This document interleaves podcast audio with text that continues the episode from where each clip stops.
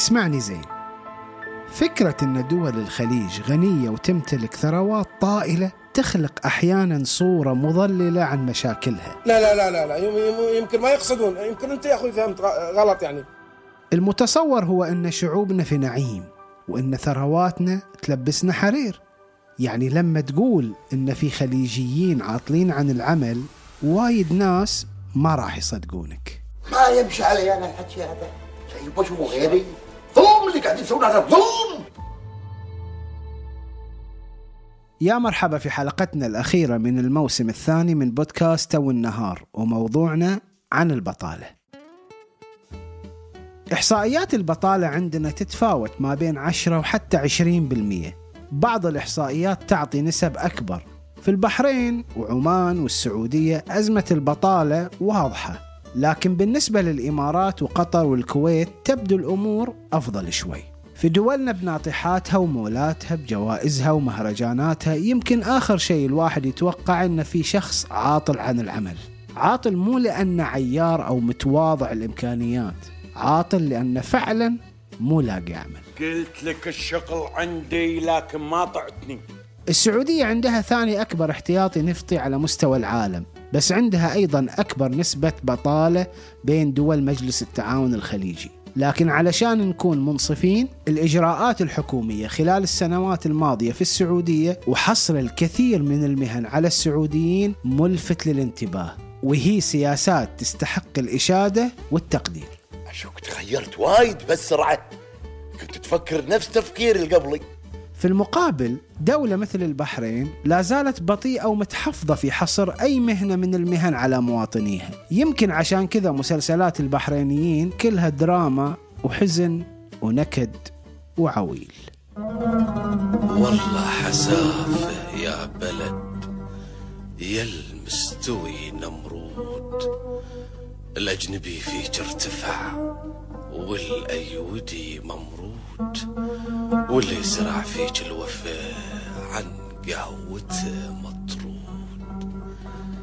البطالة أنواع. في بطالة تنتج في فترات الأزمات الاقتصادية. يعني مثلا لما تصير أزمة مثل جائحة كورونا بعض الأنشطة تتضرر وتصير موجات تسريح للموظفين. وهذا أمر طبيعي وتأثيره مؤقت. صحيح هو مزعج لكن بسرعة تتعافى منه الدول بانتهاء الأزمة وعودة النمو. بالمناسبة تحورات كورونا وين وصلت؟ ليش ما حد يسولف عنها وعن اللقاحات؟ شو السالفة؟ أنا إن شاء الله بجاوب على السؤال الإجباري إن شاء الله بس مع الوقت يعني شوي شوي يصير. عندنا أيضا بطالة هيكلية وتأثيرها النوع طويل الأمد لكن شنو معنى أن بطالتنا هيكلية؟ معناها أن عندنا نظم اقتصادية فيها عدد كبير من الوظائف اللي ما تتلائم بالضرورة مع طموحات وتطلعات المواطنين هالنظم تعتمد بشكل أساسي على العمالة الأجنبية باعتبارها عمالة رخيصة والتخلص منها سهل وما في عوار راس. نشوف غيره أشوف لك باكر غيره اليوم إحنا نتكلم عن وجود 22 مليون عامل في دول الخليج. سبعة ملايين منهم مواطنين والباقي أجانب. يا غلام مو حكي هذا. لا لا غلام لا أنا أرجوك أنا أزعل كذي. بعدين أنت لا تنسى أن الكويت الآن مو مثل الأول غلام. كل شيء تغير. وهذا مو بالضرورة نتيجة خلل في سياسات الدول لكن ممكن يكون نتيجة لرواج ثقافة مجتمعية وعادات استهلاكية معينة. مثلا في الكويت ثلث إجمالي العمالة الوافدة في هالبلد عمالة منزلية أنا أفهم. وأطوف كل شيء بكيفي. بس هذا شيء ما يتطوف. I, I don't understand, madam. No you understand. ومشلوعة عينك. عندنا أيضا بطالة سببها أن بلداننا لاعتبارات سياسية أو طائفية أو قبلية ما تفضل توظيف فئات اجتماعية معينة في بعض القطاعات فتستبعدها وأحيانا تستبعد كل المواطنين. أنت لازم تدللني إذا نقصت شيء تعطيني مو تأخذ مني. إي هذا الكلام السلبي. تقرأ تصريحات في الصحف أو مجالس النواب والشورى تنتقد كون أغلب مستشاري الوزراء أجانب. الكل يسأل ليش ما يتم تدريب المواطنين وتأهيلهم ليكونوا في هاي المناصب؟ أنا بقول لك على السالفة. السالفة ما لها علاقة بأن في مواطنين مؤهلين أو لا. السالفة أن بعض الوزراء ما يبون مواطنين أصلا في مكاتبهم والسبب متروك لك تفكر فيه على راحتك. مستشارين ويعطوهم الملايين ولا منهم أجانب يعطوهم أعلى راتب. الله منك يا دنيا اللي نال شهادة عليا يحطوها في الإرشيف ما لا في التوظيف. زادت أعداد البطالة والمواطن ضق بحالة والحاكم ساءت أعماله. يمكن آبائنا وأجدادنا ما عايشوا تأثير هذه المشاكل عليهم مثل ما شبابنا يعيش هالتجربة القاسية اليوم.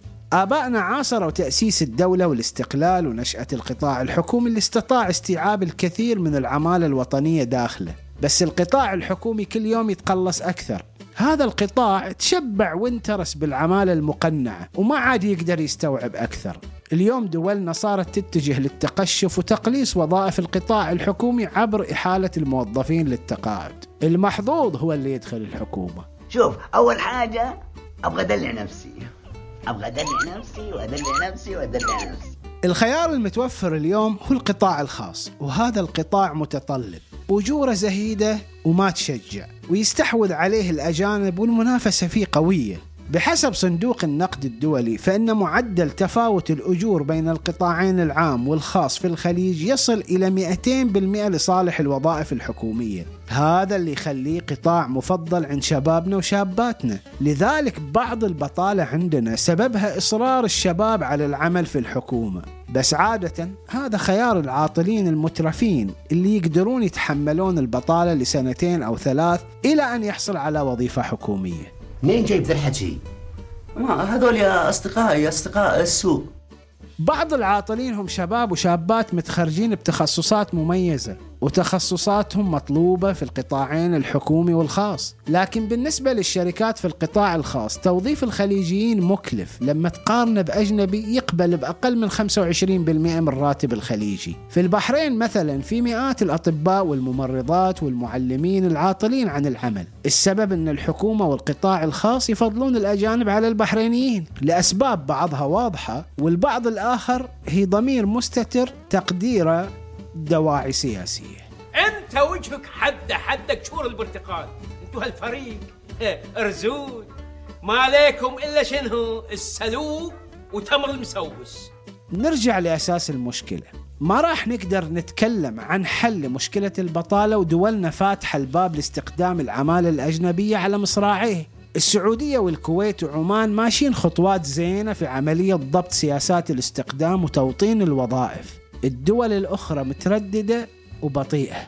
صحيح أن دولنا توفر مخصصات بدل تعطل. في دول هي مخصصات قليلة وفي دول أخرى هي مجزية إلى الحد اللي يخلي بعض العاطلين يكيفون عليها ويفضلون التعطل على العمل. الناس للناس والدنيا بخير والله لنا حين. الحمد لله الحمد لله. يا الله! لا يمكن نتكلم عن حلول وبعض مخرجات جامعاتنا في وادي واحتياجات سوق العمل في وادي طبعا هذا لا يعني القبول بمقولة أن الخليجي إمكانياته محدودة. لا يمكن نتكلم عن حلول وحكوماتنا فاقدة للثقة بمواطنيها وتفضل الأجانب. إذا كانت الحكومات تفضل الأجانب بأي وجه نتجرأ ونلوم القطاع الخاص؟ فليش أنا أروح دي- ديره الغرب؟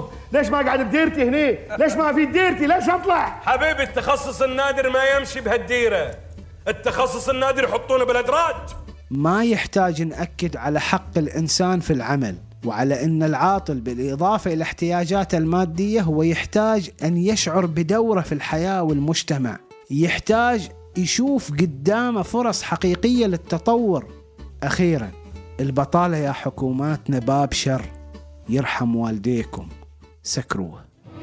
تهمة عوادل هاي تهمة عوادل هاي مظلوم صدقيني مظلوم صدقيني. كان معاكم عادل مرزوق في أمان الله. يا ما جبتهم ويا واي يمتى تباريني يمتى تباريني حلو.